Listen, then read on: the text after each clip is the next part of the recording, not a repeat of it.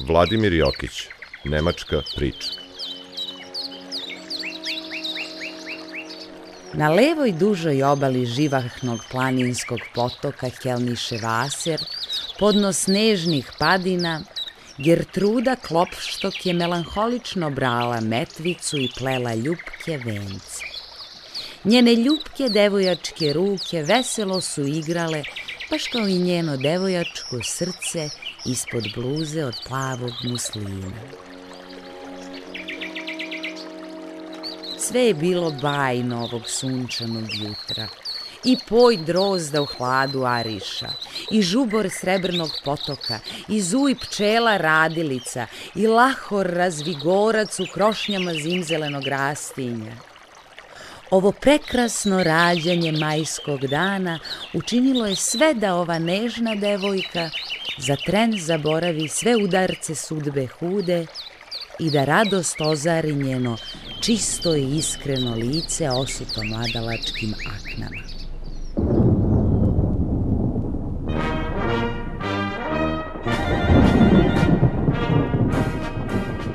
Otac, večito zauzet vele slalomom, zla maćiha koja joj ne dozvoljava da čita Allgemeine Zeitung, ujak policijski doušnik, ujna policajac, teča postao tetka nerotkinja, a tetka rodila trojke.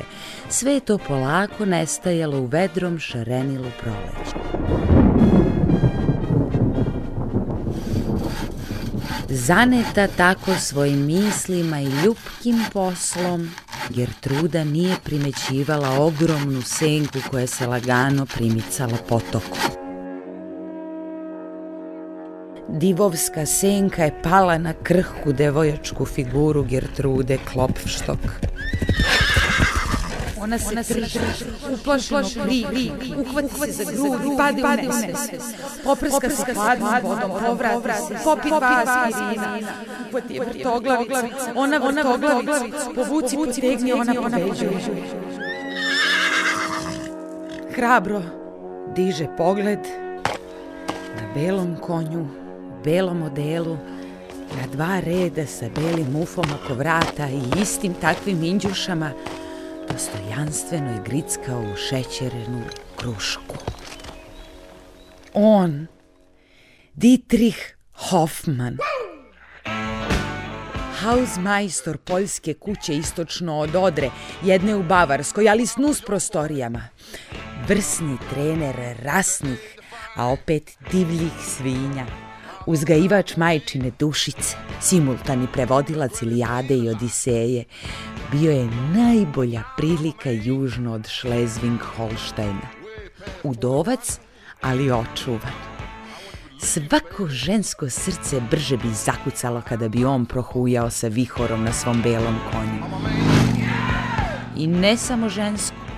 Tunjevi Fridrih se dva put besio zbog njega i njegovog džiha džiha, ali devojačko srce lepe, nežne i povučene Gertrude kucalo je samo za skromnog bacača kladiva s rame.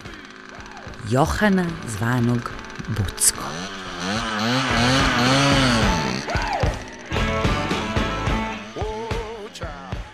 Svi su s nestrpljenjem očekivali ishod nadmetanja za ruku lepe Gertrude.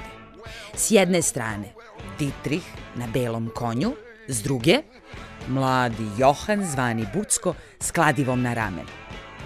Verovalo se da će pobediti razum, ali bilo je dosta i onih koji su dobro poznavali dobrodušnu Gertrudu i njenu ljubav za mladog Johana zvanog Bucko. I došao je čas odluke. Trebalo je da se Gertruda odluči danas. I ona je to učinila. Odavno.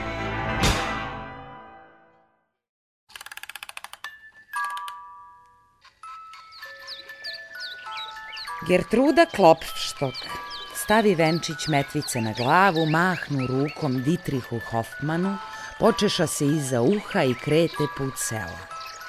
Išla je čvrstim korakom zveckajući mamuzama. Za njom se u nemom iščekivanju skupljala povorka znati žednika. Negde se rascveta pupoljak, pade ka prose, šušnu aligator. Gertruda Klopfštok zakoči u centru sela, saže se da zaveže pertlu na gojzericama, očešlja kosu i obrve, zapali cigaru i zvonik, uđe u crkvu, dočeka Johana zvanog Bucko i udade se za njega. Tako se posle svega lepa Gertruda našla pod krovom Ditriha Hoffmana i ponela njegovo prezime zauvek.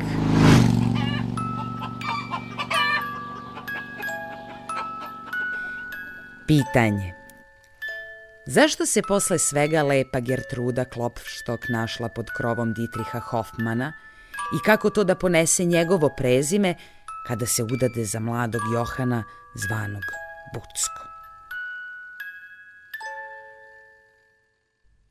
Slušali ste nemačku priču Vladimira Jokića.